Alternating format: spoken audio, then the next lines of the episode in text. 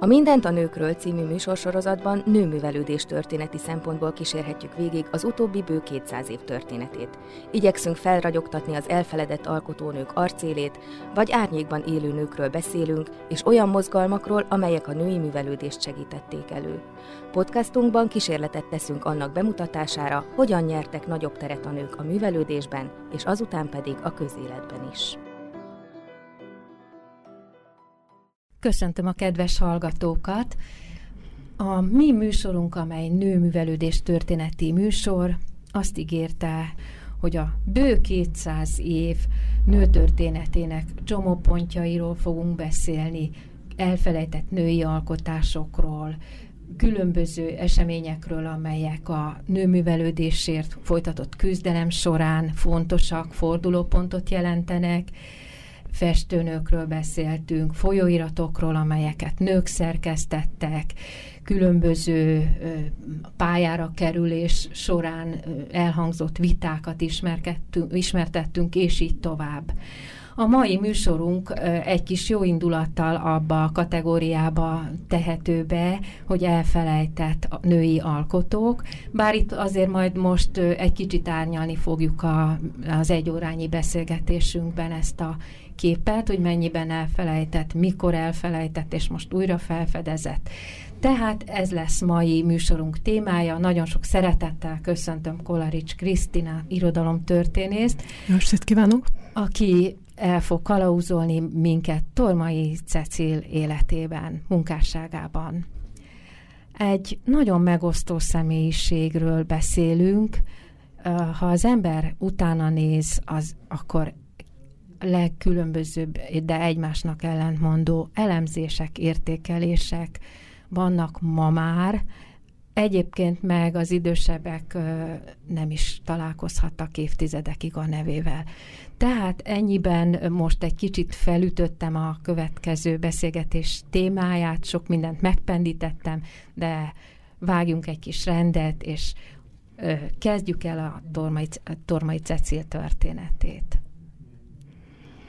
Hát talán rögtön az első gondolatom az lenne, hogy éppen az idős korosztály az, akinek a, aki még ismeri Tormai Cecilt, ugyanis neki egy érdekes története van. 1945-ben Tormai Cecilnek néhány műve indexre került és uh, egyéb műveit, tehát szépirodalmi műveit, ugye itt a Bújdosó könyv, ami 1918-19-es eseményeket beszéli el napló formájában, ugye ez került uh, indexre, és más műveit, az Emberek a kövek között, vagy a Régi ház, vagy az Ősi küldött című regényét pedig egyszerűen nem adták ki a 1990-es évekig. Tehát gyakorlatilag, ahol nagymama könyvtárában ezek a könyvek nem voltak meg, tehát ugye utolján 37-ben egy összkiadást, tehát összes művei kiadását az Inger és Wolfner, illetve a Genius kiadó is vállalta, de azóta ugye a 90-es évekig nem jelentek meg könyvei. Tehát itt tulajdonképpen az ő elfeledéséhez ez is hozzájárult, hogy nem volt ott se a könyvtárak, se a könyvesboltok polcain. Ugye ez az utóbbi néhány évben megváltozott, tehát több kiadó is vállalkozott az ő műveinek a kiadására, illetve lassanként megindul már az életműnek a feldolgozása, tehát a tudományos igényű feldolgozása is.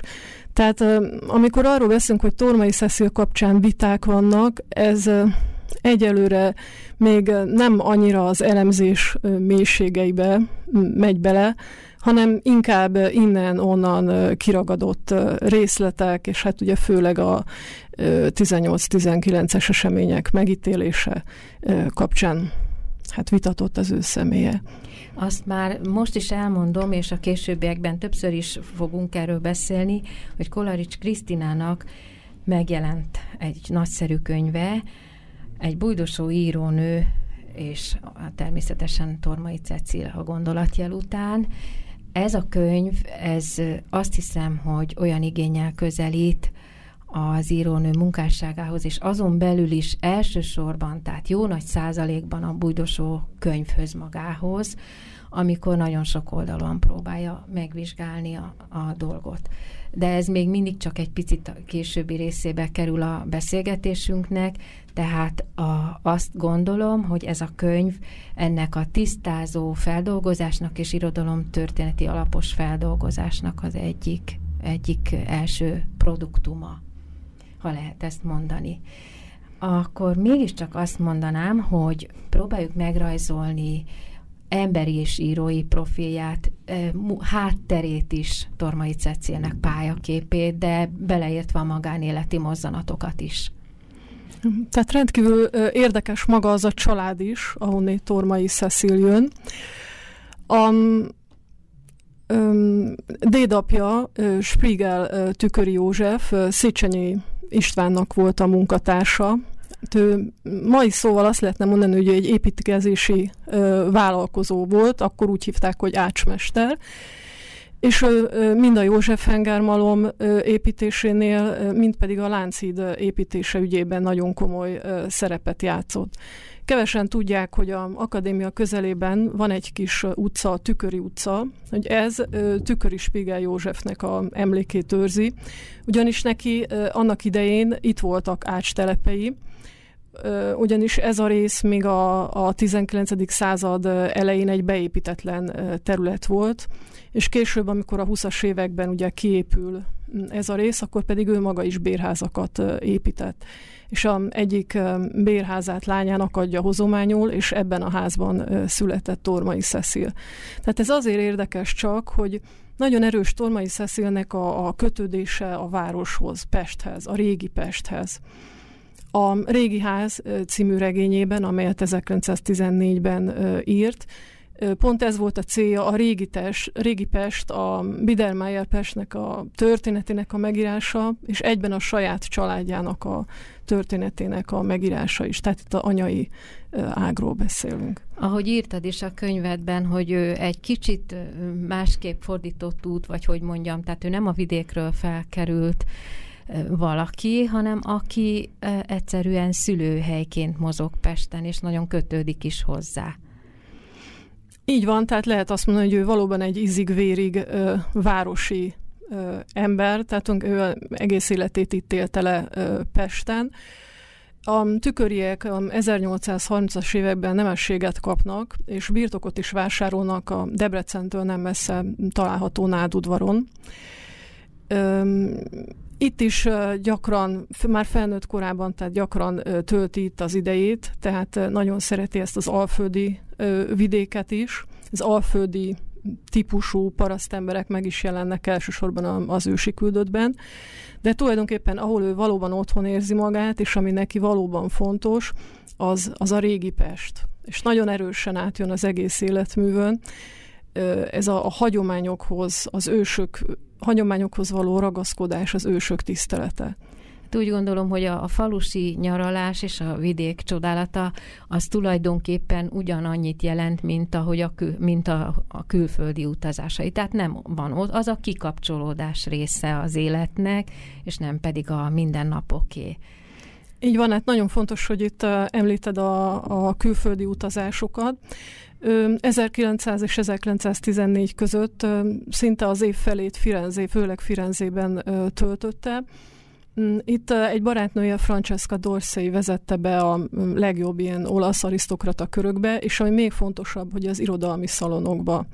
Például megismerkedhetett a kor legismertebb, legsikeresebb írójával, Gabriele D'Annunzioval, és aztán az ő révén indulhatott el tulajdonképpen Tormai Cecilnek a nyugat-európai, elsősorban itt a franciaországi karrierje.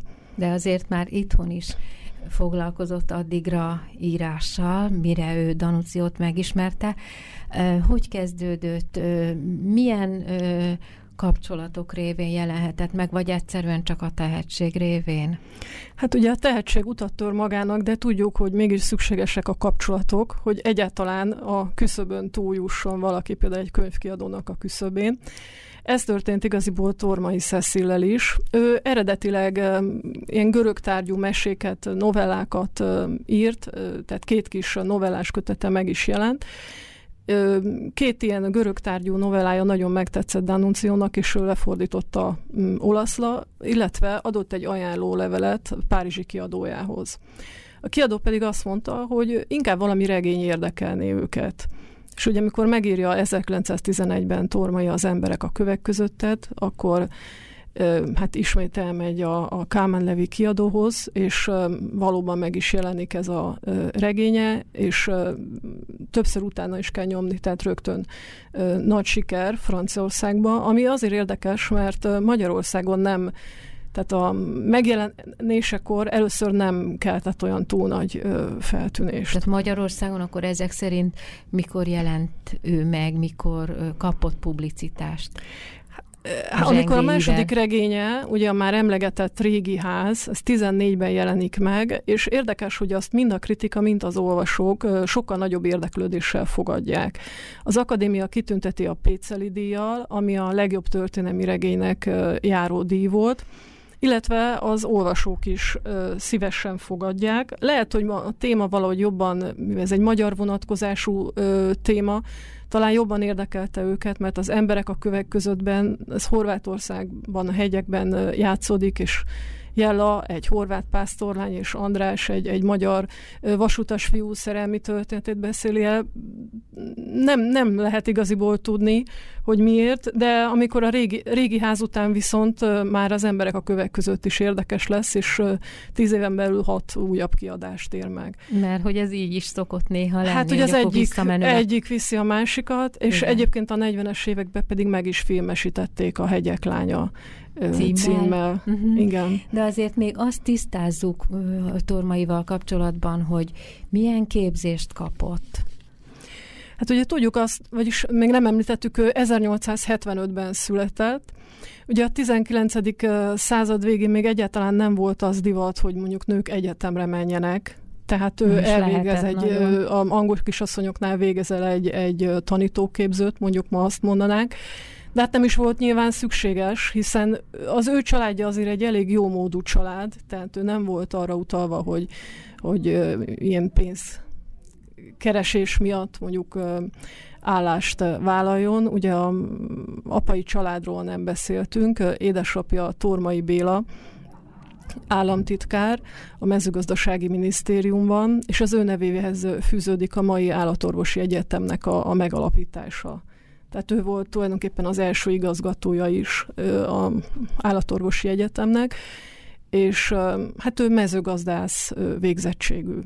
Tehát lényeg az, hogy, hogy a műveltséget ebben az időben nem az egyetemi végzettség jelenti, tehát az természetes, hogy több nyelven beszél, sokat olvas, utazik. Tehát már fiatal lánykorában is utazott? Igen, tehát ahogy említettem, ugye főleg ezek a mm, itáliai uh, utazásai érdekesek. Franciaországba csak 14 nyarán jut el, közvetlenül a háború kitörése előtt, éppen a, a regénye francia mm, fordítójával, Marcel Tinerrel akar találkozni, és Marcel Tiner az, aki bemutatja Anatole France-nak is ez majd még előjön.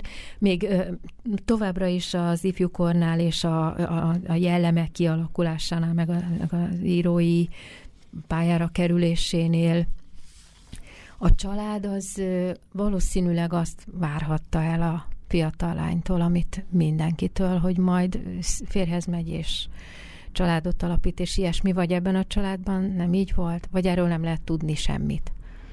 Hát erről a magánéleti uh, száról uh, keveset tudnék beszélni. Sajnos uh, Tormai Szeszinek nem maradt fenn memoárja, ellentétben Ritó Kemmával, akinek viszont uh, igen.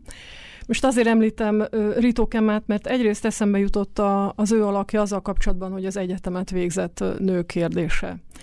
Tehát Ritók Emma testvére, Ritók Zsigmond elveszi feleségül Tormai Szeszélnek a nővérét Máriát, tehát ilyen módon a két család, a Ritók és a Tormai család rokonságba kerül, össze is járnak sokat, egymás mellett van vilájuk Hűvösvölgyben, és valamennyire Ritó Kemmának a visszaemlékezéseiből, tehát kibontakozik a Tormai család képe is, és egyáltalán az az életmód, amit, amit ők folytatnak. Tehát egyébként is 20 éves volt már, amikor itthon Magyarországi Egyetemen járhatott volna. Az Így van, és, és azt hiszem, hogy, azt hiszem, hogy Ritó Kema például egy, egy kivételnek számít, aki ennyire ambicionált a, a továbbtanulást. Tehát ő ugye először a Pesti Egyetemre megy tanulni, aztán Würzburgban tanul, Lipcsében, Párizsban, és filozófiából, illetve esztétikából doktorál. Hát egy kicsit azt kell, hogy mondjam, hogy bár nagyon okos, nyilván nagyon okos és nagyon művelt ember lehetett, de ennek ellenére ő tulajdonképpen nem tudott egy olyan karriert befutni, mint például a Tormai Cecil. Tehát, hogy ebben a korban igaziból az egyetemi végzettség nem feltétlenül jelentett előnyt, azt mondhatom. Ott tartottunk, hogy az első, illetve a második könyv húzta magával az első könyvet is, tehát beindult egy, egy ígéretes irodalmi pálya ugye 14-et mondtunk a régi ház megjelenésére. Igen, Na hát itt aztán hát tudjuk, hogy mi történt. Hát itt majdnem ugye derékba is uh, törik uh, bizonyos értelemben ez a, ez a pálya, még a, az a kapcsolatban, hogy mennyire kellenek az ismerettségek és a véletlen ahhoz, hogy egy író érvényesülni tudjon. Hugo von Hofmannsthal beajánlja a német, német kiadójának, a Fischer kiadónak Tormai Cecilt, de nem érkezik a kéziratra semmilyen válasz. És egy alkalommal egy németországi nyaralás során Tormai Cecil észreveszi, hogy a szállodában a közelében vacsorázik éppen Samuel Fischer és hát bemutatják őt, és hát némileg szemrehányóan említi neki, hogy hát nem kapott semmilyen választ erre a, a kéziratra.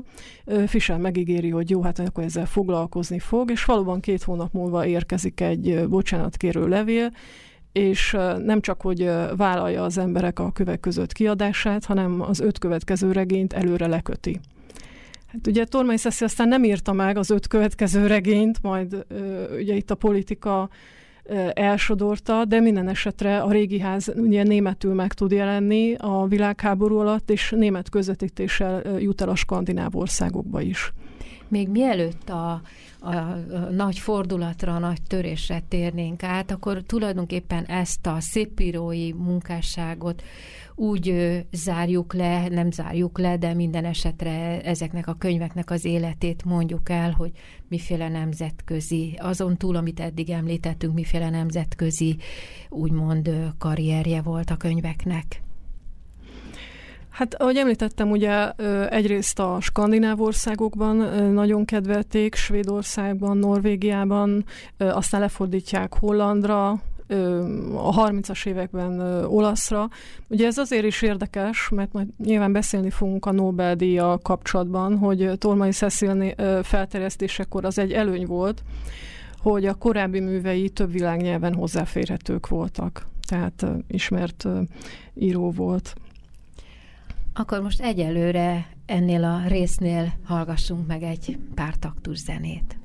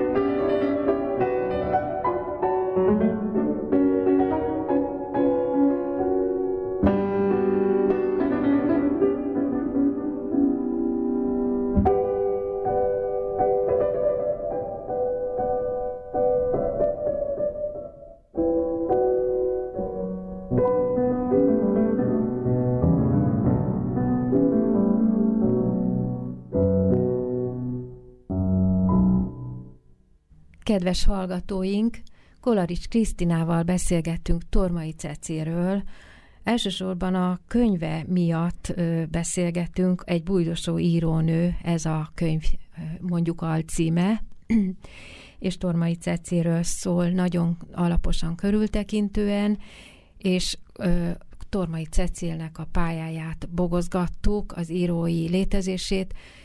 Nem egészen fejeztük be a, a külföldi kapcsolatait nagy írókkal, beszéljünk még erről egy kicsit. Így van, és ö, eszembe jut Szerbantalnak egy mondata, amit a ö, Tormai Szesziről írt nekrológban ö, találhatunk. Azt mondja Tormai Szesziről, hogy ő volt az igazi nyugatos író. Tehát ebben van nyilván egy szójáték is. Tormai Cecilnek soha nem jelent meg írása a Nyugat című folyóiratban, sőt 1923-tól a Nyugat ellenlapjaként indított Napkelet című folyóiratnak volt a főszerkesztője de megvalósította viszont azt, ami a nyugatnak a célkitűzése volt. Tehát, hogy ezt a századfordulós, szecessziós, impressionista, ö, szimboli, ö, szimbolista ö, irodalmat megvalósítani magyar nyelven. És a másik érdekesség ez a feminizmushoz, vagy egyáltalán ez a nő mozgalomhoz való ö, kapcsolata. Említettem, hogy az emberek a kövek közöttet Marcel Tiner fordította le franciára. Magyarországon talán kevéssé ismert ez az írónő, aki a századforduló feminista mozgalmában komolyan részt vett, és regényeiben a modern nő erkölcsi és szociális problémáival foglalkozott.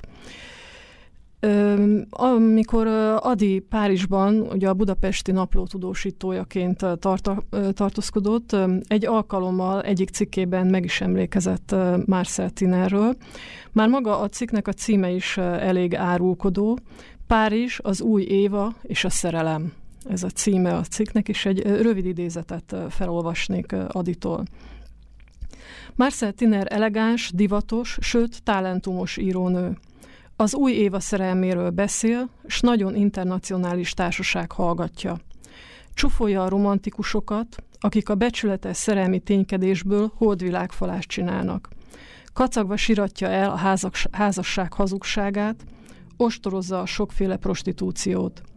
És természetesen végül az új, a szabad évát idézi, aki nagyszerűen, egészségesen, eszének és vérének áldott kompromisszumából ajándékozza csókjait. Ugye azt hiszem, olyan tipikus adi stílus, de a lényeget azt hiszem, hogy magát azt a, azt a milliót, amiben Tormai Cecil mozgott, tehát emiatt szerettem volna ezt említeni. Hát illetve nem beszéltünk erről, de ugye itt Magyarországon is voltak ilyen irodalmi szalonok. Itt elsősorban Teleki Sándorné grófnő aki Szikra néven, e részben ugye álnéven, Szikra néven írta a, regényeit, tehát őt említenénk meg, aki komolyan csatlakozott ugye a feminista mozgalomhoz, és mind Rito Kemma, mind Tormai Cecil állandó tagjai voltak a, a 900-as évek elején az ő, az ő szalonjának és hát Cikra addigra 1906-ban lépett be a Feministák Egyesületébe, addigra befutott írónő volt, tehát ez a századfordulón sem volt az igaz, hogy kompenzálásképpen foglalkoztak a nők ilyesmivel, és az lépett ilyen helyre, akinek nem sikerült semmi sem, sem a magánéletben, sem a pályán. Szikra egy nagyon karakteres egyéniség volt, és egy ilyen füzetszerű kis munkát is megírt a feminizmusra, ami nagyon érdekes olvasmány, ha az ember tudja, hogy a háttérben egy grófnő van. hát igen, ez egy elég, a Feministák Egyesülete egy eléggé vegyes társaság, ugye Schwimmer, Rózsa Glücklich film, a Pogány Laura is Teleki Sándorné, Szikra, ugye itt a hát a fővezérei mondjuk ennek Pontosan. a ö, társaságnak, és ők ö, tulajdonképpen a nők jogi, oktatási és politikai érdekvédelmét ö, tűzték ki az ászlajukra. Ugye még ebben az időben nincs választójoga a nőknek, hát illetve erről is beszéltünk, hogy bár részben megnyitják a egyetemeket a nők előtt, de aztán igyekeznek is különböző módszerekkel kiszorítani őket. Tehát Igen, félnek egyszerűen a női hallgatóktól. Igen, persze. De hát ö, ö, tulajdonképpen ez egyelőre egy működő kapcsolatrendszer volt, ami egészen a a visszájára fordult később a Tormai Cecil életében. Így van, egyébként ez azért érdekes, mert ugye ezeket az előz, ezt, az elő, ezt az előzményt kevesen tudják, viszont aki a Bújdosó könyvet olvassa, ott tulajdonképpen a feministák nagyon negatív színben ö, tűnnek fel. Schwimmer Róza név szerint. Hát a Schwimmer Róza valóban, ugye Károlyi kiküldi Schwimmer Rózát Svájcba nagykövetnek. Hát ez többszörösen problematikus ez a dolog. Ugye egyrészt Svájcban na, még jóval a átlagos európai fejlődést tekintve is sokkal később kapnak a nők egyetlen szavazati jogot. Tehát elképzelhetjük, így van, tehát elképzelhetjük azt, hogy hogy hogyan fogadnak egy női nagykövetet, és hát az, az az igazság, hogy ugye még a monarchiából ott maradt ö, ö, ö, diplomáciai hát tagok sem fogadják kitörő örömmel Schwimmer Rózát, aki mindenképpen egy jó szándékú és jó indulatú ember volt. Ugye, hogyha olvassuk a Károlyival folytatott levelezését, akkor látjuk azt, hogy már egy-két éve korábban próbál Károlynak segíteni kapcsolatokat építeni, ugye próbálnak az Antantnál tapogatozni esetleg egy korábbi békekötéssel kapcsolatban, de hát ez tényleg nem volt egy jó választás, és ugye mai fejjel talán már nem annyira döbbenetes, de ebben a korban amikor tényleg a nőknek ennyire más szerepe volt, mondhatjuk, hogy botrányos volt az, hogy Ez őt, őt kinevezik Károly. És ehhez én azért egy kis hozzáfűzést mindenképp tennék, mert ezen sokat gondolkodtam, és elég sok írását olvastam a feministák lapjában Schwimmer Rózának, hiszen ő volt a fő-fő motor, és rengeteget publikált, és minden erejét erre fektette, erre a lapra színvonalas írásai voltak, és arra jutottam, hogy, hogy annyit áldozott az életéből erre, és e, úton útfélen azt írta, hogy a nőknek muszáj a politikába részt venni, muszáj megszelidíteni, muszáj másképp működni a világnak, és amikor megkínálják hogy akkor most tessék, tehát ebből a szubjektív nézőpontból is elég furcsa lenne, köszönöm szépen, nem kérem, mert, mert hogy hát én nő vagyok, nem fért volna bele se a karakterébe, se abba úgynevezett harcba, amit ő folytatott azért, hogy a nők jelentősen szóljanak be a világ, világ történéseibe, a történelem menetébe. Igen, csak ugye itt az első világháború elvesztése, monarchia széthullása, ugye tulajdonképpen Magyarország, mint önálló állam létezett is, meg nem is, tehát itt egy olyan nagyon kiélezett helyzet volt, amikor akár egy ilyen dolognak is jelentősége volt, hogy a követnő vagy férfi. A másik pedig, ami itt adja magát, hogy a a könyvben, a te könyvedben sokszor esik szó arról, hogy ez most álnapló, vagy pedig igazából visszamenőlegesen kicsi szólt. Sokféle szempontból érdekes lehet ez, és erről eléggé hosszan is beszélsz a könyvben. Tehát én nekem az a gyanúm is van, hogy a borzalmas következmények láttán kapta meg a Schwimmeróza ezt a rettenetes jelző csoportot, amit már visszamenőleg Hát nyilván így van, illetve azért Tormai Cecil Károlyt és körét egy eléggé egy, egy, egy görbetükrön keresztül, egy szatirikus módon ábrázolja. Tehát ugye még a Tisza a tragikus hős, és ugye vele szemben Károly pedig egy ilyen szatirikus ábrázolásmódot kap, és hogy tulajdonképpen sokszor írja azt, hogy nem tudja, hogy sírjon-e vagy nevessen, és tulajdonképpen a, a Schwimmer Rózának az ilyen fokú kiemelése is ebbe a sorba tartozik bele, tehát, hogy valóban a helyzet nem jó felismeréséből történik Schwimmer Rózának a, a kinevezése, illetve hát a Jánszi Oszkár féle visszaemlékezésekben olvashatjuk is, hogy nem volt elég emberük. Tehát hirtelen Károlyék hirtelen kerülnek hatalomra, arra nincsenek felkészülve, hogy tulajdonképpen a, a követségektől a minisztérium felső vezetéséig mindenhol valóban megfelelő embereket és képzett embereket tudjanak odaállítani. Tehát itt sok minden, tehát nyilván ez egy sokkal árnyaltabb kérdés, mint ahogy mondjuk a bújdosó könyvben megjelenik, de hát a bújdosó könyvnek nem is ez volt a célja hogy ö, történelmi dokumentum legyen. De azért még egy mondatot szenteljünk annak, hogy ez valójában tényleg naptárilag később jelent meg. 1920-ban jelent meg a Bújdosó könyv első része, az Őszi Rózsás forradalom címmel, és 21-ben pedig a Proletár diktatúra címmel, ugye a második kötet. Azt tudjuk, hogy Tormai Cecilnek voltak valóban naplójegyzetei, amelyeket felhasznált, de Természetesen nincs az a írói napló, amit egy, válto- egy szóváltoztatás nélkül az olvasók elé lehetne bocsátani. Hiszen a naplónak pont, napló az tulajdonképpen az írónak magának érdekes, és nagyon sok olyan dolog van benne, ami, ami az olvasó számára nem érdekes, vagy nem is tudja, hogy kik például azok a szereplők, akik ott feltűnnek, stb., családtagok, stb. Tehát már csak emiatt is természetes, hogy szükség volt egyfajta átírásra. De hát a másik pedig az, hogy én ezt inkább egy ilyen napló formájú regénynek nevezném. Tehát, hogy itt, itt nem pusztán naplóról van szó, hanem egy, egy irodalmi műről.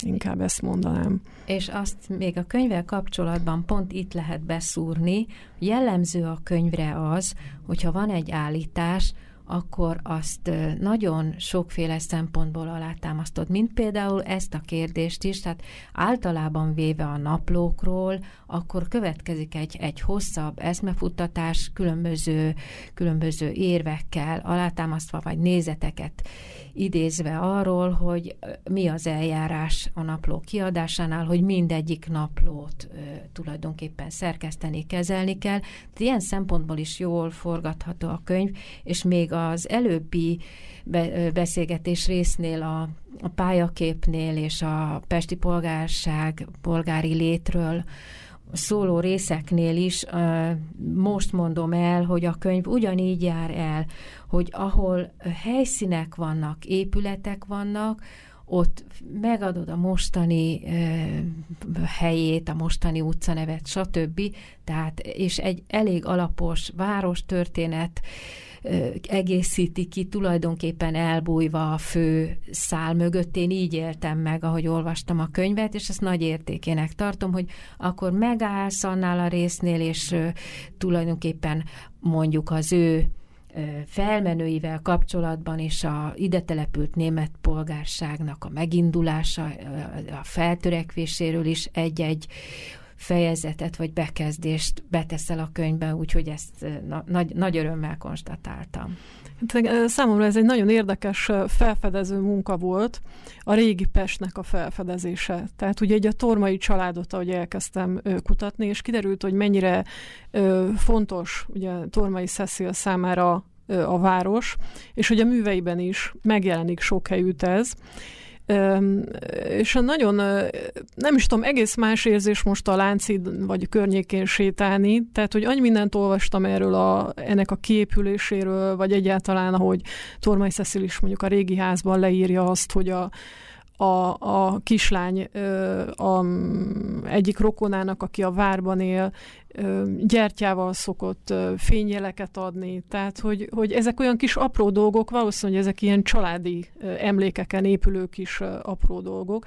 Jellemző is az Tormaira, hogy ezeket az ilyen kis apró mozzanatokkal tudja élővé tenni a regényeit, és így, így számomra is bizonyos, a városnak bizonyos részei, ugye Tormaihoz kapcsolódó részek, azok számomra is így megelevenednek tulajdonképpen a vele való igen. foglalkozás kapcsán. Említettük a Tüköri utcát a a, a, a, fe, a igen. Igen, ahogy róla van valóban, mármint a nagyapáról van elnevezve de más utcák és helyszínek is vannak.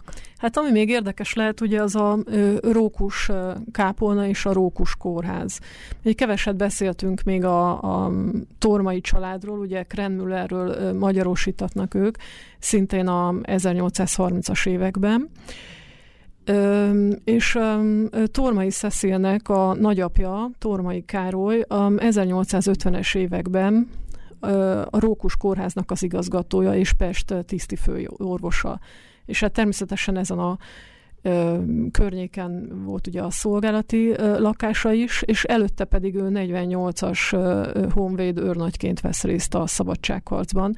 Tehát mind az apai, mind az anyai ágon ilyen 48-as ö, hagyományok is vannak a családban, amelyek nagyon erősen élnek. Például nem véletlenül Bújdosó könyvbe is állandóan öm, ellentétbe állítja, hogy ez nem igazi forradalom, hogy a 48 volt az igazi forradalom, hogy akkor mi volt, és most mi van.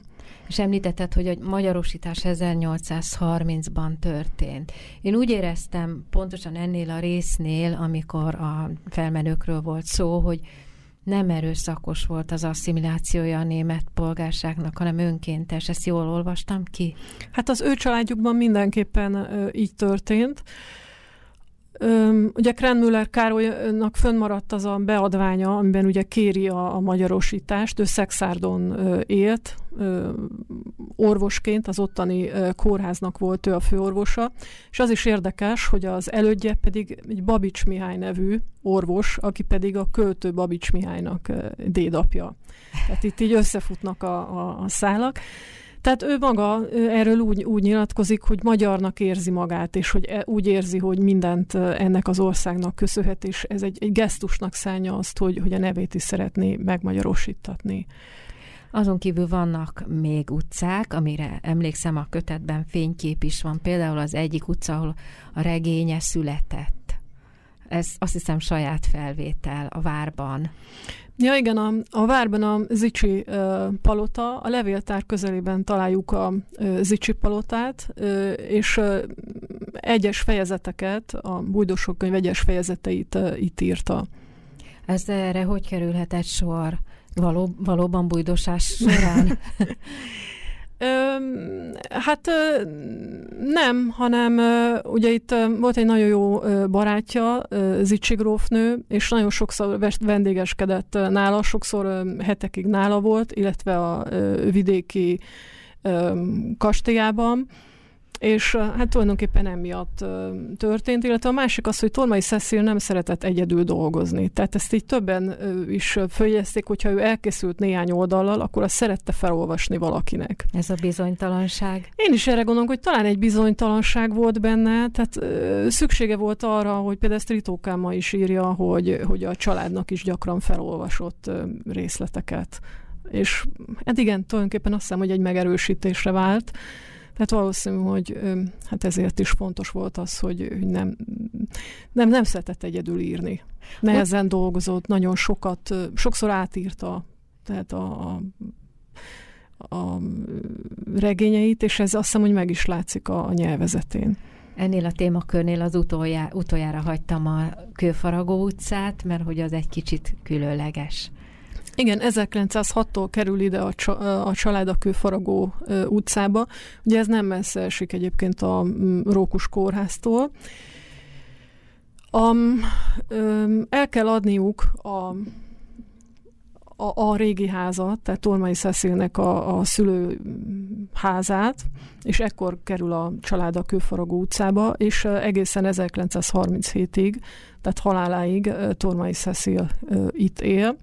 Egy rövid ideig, 1940 és 45 között egyébként Tormai Szeszél utcának is hívták ezt a kis utcácskát. Hát a halála után. A halála után szerint. egy eléggé komoly kultusz bontakozott ki, és ennek egyik elemeként a, ezt a Kőfaragó utcát átnevezték Tormai Szeszél utcának.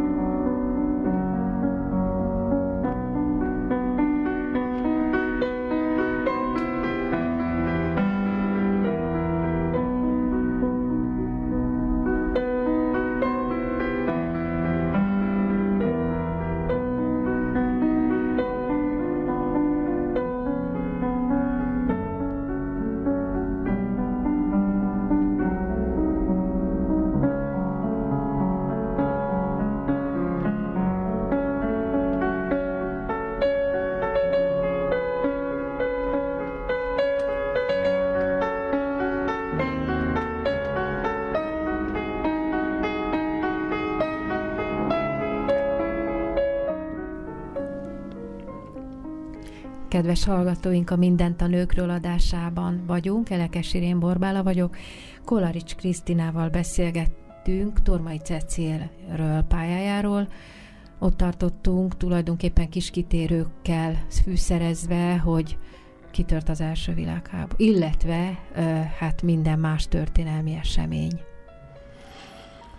Igen, tehát ö, azt szerettem volna ezekkel a kis ö, idézetekkel is ö, érzékeltővé tenni, hogy itt tulajdonképpen egy jó módú polgár családból származó íróról beszélünk, aki a fiatalságát tulajdonképpen teljes gondtalanságban tölti, uta, utazgat, itáliai és francia szalonokba jár, olvasgat, tulajdonképpen mint egy keftelésből írja a regényeit, de hogy tulajdonképpen az életnek a kemény realitásaival nem igazán találkozik.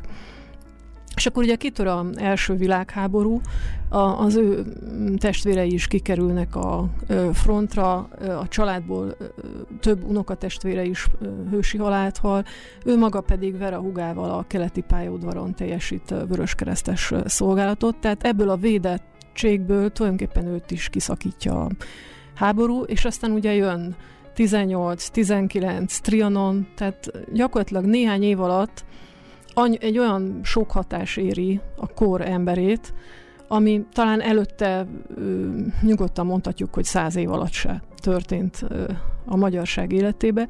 És ö, amikor itt Tormai Szeszéről gondolkoztam, vagy amikor a könyvenek a középpontjába a bújdosó könyvet, és ezt a 18-19-et tettem, Ö, akkor ezt azért, mert úgy éreztem, hogy itt nem csak Tormai Cecilről van szó, hanem egy egész nemzedéknek az élményanyagáról. Erről keveset ír az irodalom történet, nyilván 89-ig nem is nagyon lehetett erről írni, de mm, azóta se igazán hangsúlyozzák ki azt, hogy Kosztolányitól, Babicsig, Móricztól, József, József Attiláig. Attiláig is akár igen. Tehát, hogy itt de főleg inkább ugye ez az idősebb nemzedék, tehát ugye ez a, akiket úgy hívunk, hogy nyugat első nemzedéke, hiszen ugye ők Tormainak a kortársai, tehát akik felnőttként érik meg ezt a, ezt a váltást, tehát hogy az ő életükben valami fajta törés történik. És a Tormai Cecil sorsában ez nagyon jól megfigyelhető, mert azt mondhatom, hogy egy 180 fokos fordulatot, fordulat áll be az ő életébe. És már ugye említettük, hogy de hát talán még mielőtt rátérünk hogy megírja a bújdosó könyvet, ami véleményem szerint egy politikai tett is. De hát először is ugye 18 decemberében elkezdi szervezni a Magyar Asszonyok Nemzeti Szövetségét. Ugyanis Betlen István ekkora már teljesen kiábrándul Károlyból, és elhatározzák, hogy meg kell egy ellenzéket szervezni, és mivel Károlyék 19 tavaszára egy olyan választást ígérnek, ahol a nők is szavazhatnak, egy teljes és titkos választást ígérnek, akkor azt mondják Betlenék, hogy akkor meg kell magunkat erre a választásra szervezni, és tulajdonképpen demokratikus úton meg kell Károlyékat egyszerűen buktatni. És hogy ebben nagyon nagy szerepe van a nőknek és Ritó Kemmával együtt, Zicsi Raffaelnével, Batyányi Lajosnéval, tehát néhány ilyen asszony összefog, és ők tulajdonképpen így kiskörben elkezdik szervezni ezt a Magyar Asszonyok Nemzeti Szövetségét, ami érdekes módon úgy történt, hogy mindenki összehívott 8-10-15 barátnőt egy-egy ilyen teára, és aztán ott ezek a vezetők elmondták, hogy miről lenne szó, és, és hát próbálták belelkesíteni a, az asszonyokat. Hát így 19. januárjában formálisan is megalakul a, a MANS. Hát igaz, hogy ugye ezekre a választásokra aztán nem kerül sor, hiszen a kommunisták közben átveszik a hatalmat, viszont az 1920-as választásoknál nagyon komoly szerepet játszott a MANS abban, hogy megszervezte a nőket, és elvitte őket egyáltalán szavazni. Tehát ugye ma sem nagyon könnyű elvinni az embereket szavazni, de gondoljunk bele arra, amikor egyszerűen nem volt annak hagyománya, hogy a nők szavazhatnak, vagy egyáltalán valakit is érdekel az, hogy a nőknek mi a politikáról a véleménye, vagy hogy egyáltalán legyen a nőknek a politikáról véleménye. Tehát, hogy ilyen értelemben, tehát ugye bár a bújdosó könyvben a feministákról nagyon negatívan írt Tormai, de egy bizonyos értelemben ő maga, az ő egész életútja mégis egy idézőjeles feminista életút, hiszen megteremti azt a feminista eszményt, hogy tulajdonképpen kivív a férfiakkal egyenrangúságot vív ki magának, tehát önálló egzisztenciát teremt, napkelet főszerkesztője lesz, közéleti személyiség lesz, és másrészt pedig a MANS, ami ugyan egy konzervatív szervezet, de mégis például itt a, a a, aktivizálja a nőket, nem csak jótékonykodásra, ez is persze fontos volt, de például külpolitikai ö, propaganda ö, célokra is fel tudják a manszot használni. Hát ugye és hát azért volt szükség, a mert hogy ö, nagyon erős volt a Magyarország elleni külföldi ellenpropaganda. Hát így van, ugye propaganda. főleg a kisantant ö, országoknak nagyon jó volt a külföldi propagandája. És hogy ö, tulajdonképpen itt a 20-as években ö, jönnek rá arra hurték, hogy hogyha életbe akarnak maradni, akkor nagyon fontos úgymond a külföldet informálni. És, és ilyen formán a nők, hogy, hogy tudtak ebbe bármit is tenni? Hát egyrészt ugye a kapcsolataik révén. Tehát nyilván a arisztokrata nőknek nagyon sok külföldi kapcsolata volt, de itt nem csak arisztokratákról beszélünk. A szakirodalomban sajnos a MANS el van könyvelve, hogy ilyen unatkozó úriasszonyok szervezete, de ez egyáltalán nem igaz, mert körülbelül egy millió tagja volt. Most ugye egy millió unatkozó úriasszony nem volt a 9 a milliós Magyarországon utáni. a háború után. És hát tudjuk azt, hogy ugye Klebersberg javaslatára ugye falusi tanítók szervezik, szervezik vidéken is ezeket a MANS szervezeteket. Tehát nagyon sok egyszerű parasztasszony is tagja a MANS-nak, és hát őket igyekszenek támogatni is.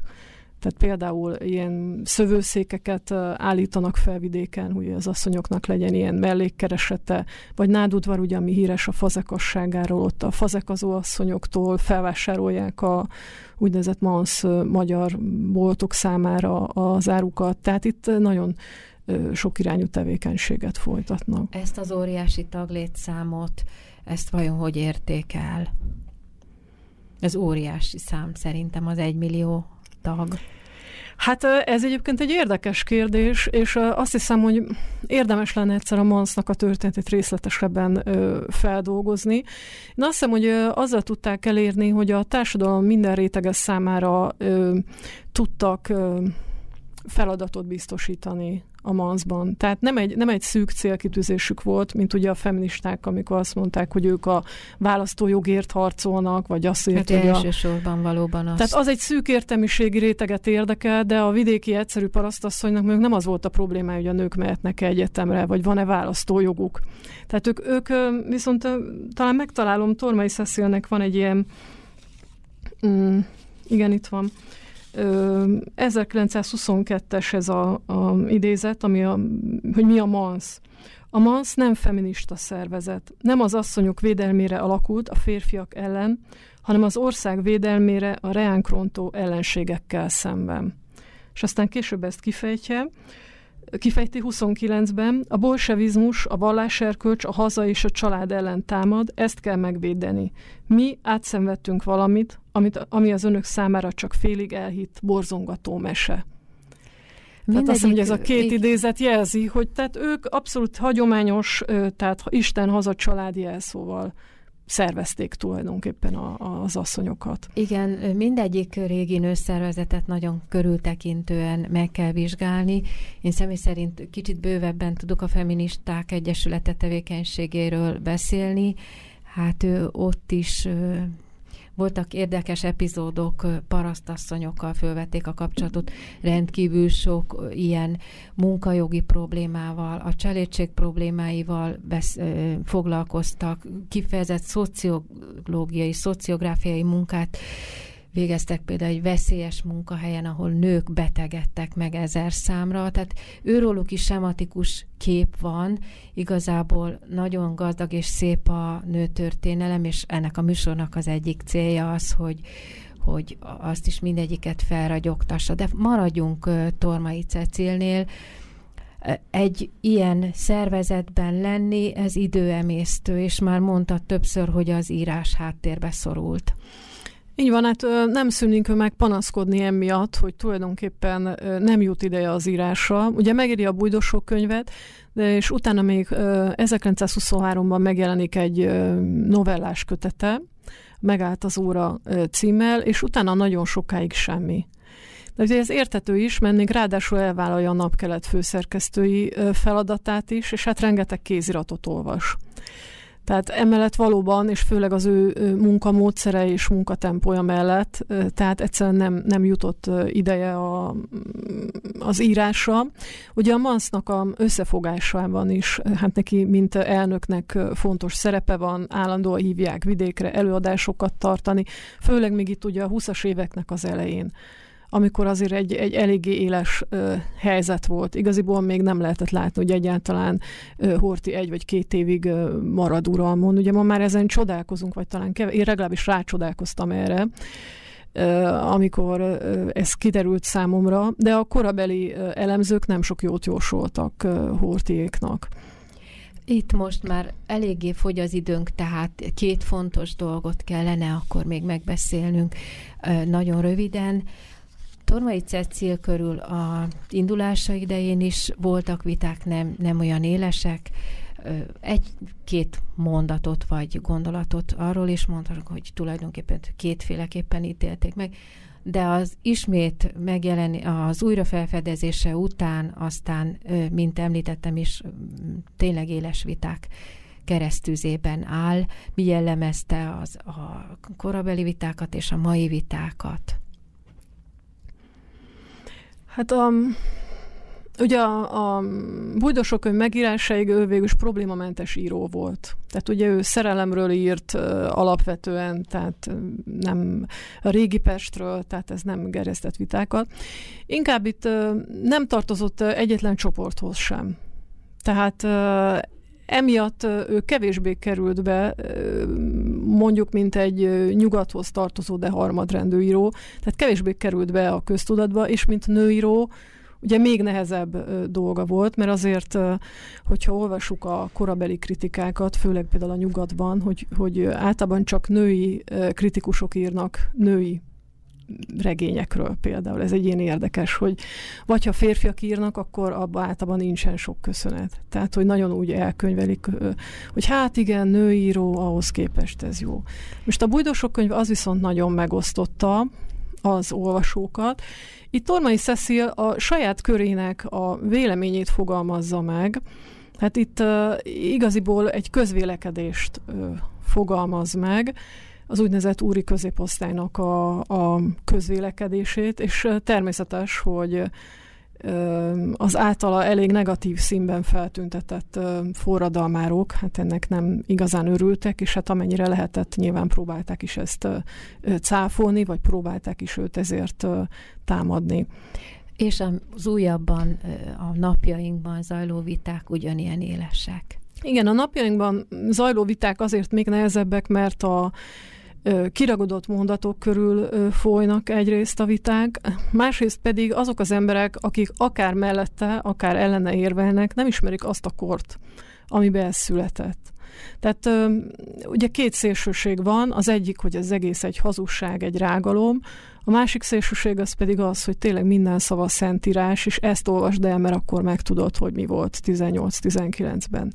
Tehát a kettő között ugye valahol középen van, mint mindig, az igazság, és hát ezért is gondoltam fontosnak, hogy foglalkozzam ezzel a témával. Hát nyilván ez csak egy első kísérlet, de azt hiszem, hogy nagyon fontos lenne, hogy hogy egyáltalán a 18-19-es eseményeket jobban fel kellene dolgozni. Most azért az utóbbi néhány évben már a történészek jobban hozzáfogtak ehhez a témához, de de maga ez a korszak, hát nem véletlenül ugye például a Károlyi szobor körüli állandó viták ott a parlament mellett, van. van-e helye Károlynak, vagy nem. Tehát a mai napig Károlyi helye tisztázatlan. A, tényleg abban a két percben, ami még van nekünk, mi a korrekt eljárás akkor, amikor egy, egy irodalmilag ö, fontos ö, szerzőt értékelünk, és hogyan, hogyan közelítsünk hozzá korrektül, vagy a vitatott mondatai kírják egyszer és mindenkorra? Ezzel nem tudok egyetérteni, hogy egy mű ö, miatt ki kell valakit tiltani, úgymond a magyar irodalmi kánonból. Ugye tudunk erre ellenpéldákat is, hogy bizonyos szerzők esetén nem ö, probléma egy-egy ilyen mű. És még azért gyorsan megemlíteném ezt a Nobel-díj kérdését, amit részletesebben egyébként a Magyar Napló decemberi számában meg is írok egy tanulmányban, hogy kevesen tudják azt, hogy 1950-ig három írót terjesztettek fel Nobel-díjra. Ugye Herceg Ferencet 25-ben, Tormai Szeszilt 36-37-ben, és Szabó Dezsőt 35-ben. És hogy ezek közül Tormai Cecil került igazán közel, a utolsó ötös körbe bekerült, tehát nyugodtan, bár ugye a Nobel-díjnak az odaítélése is politika is, tehát nem feltétlenül csak irodalmi érték alapján történik, de tulajdonképpen egy majdnem Nobel-díjas írónőről beszélünk, aki hát nem is érdemtelen, végül is ő azon bukott el, hogy az ő lobbia kevésbé volt hatékony az őt támogató professzor, Frederick Böck professzor, irodalomprofesszor kevésbé volt hatékony, mint az ellenpárt, és így végül is ugye 36-ban O'Neill kapja meg a Nobel-díjat, de egyáltalán nem simán, mert a Nobel-díj bizottság tulajdonképpen nem tud megegyezésre jutni, de mivel már előző évben se adták ki a Nobel-díjat, ezért a Svéd Akadémia úgy dönt, hogy valakit mégis kell, és hát így kapja meg O'Neill. Tormai Cecéről beszélgettünk az adás során. Köszönöm Kolács Krisztinának, hogy vállalta a beszélgetést, nehéz témáról beszéltünk. A hallgatóknak köszönöm a figyelmet, viszont hallásra.